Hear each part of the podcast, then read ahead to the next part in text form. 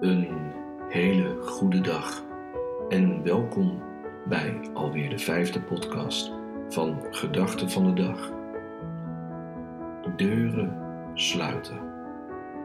Maar als er een deur sluit, raak dan niet in paniek. Deuren kunnen ook open, zo zijn ze.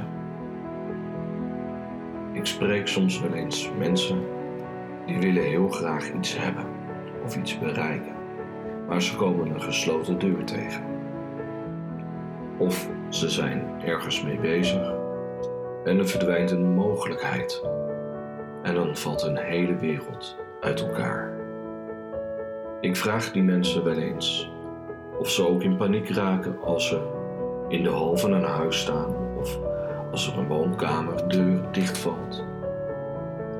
Of ze dan ook in de veronderstelling zijn dat ze nooit van hun leven meer in een woonkamer kunnen komen.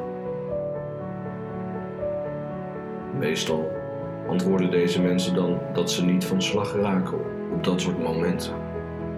Dat is ook heel logisch. Het enige dat belangrijk is om te slagen, om ergens succesvol in te zijn, is te weten waar je naartoe wilt. De weg er naartoe ontvouwt zich over het algemeen onderweg. Terwijl je wandelt, terwijl je reist, wordt het duidelijk welke stap je daarna mag zetten. Als er een dichte deur is, maak hem dan open.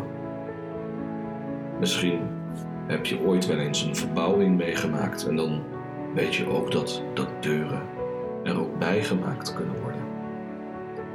Wanneer je thuis komt en de voordeur is dicht, dan raak je ook niet in paniek. Dan doe je je voordeur open en ga je je huis in.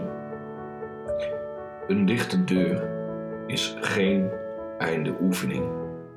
Er is altijd een weg voor wie echt wil.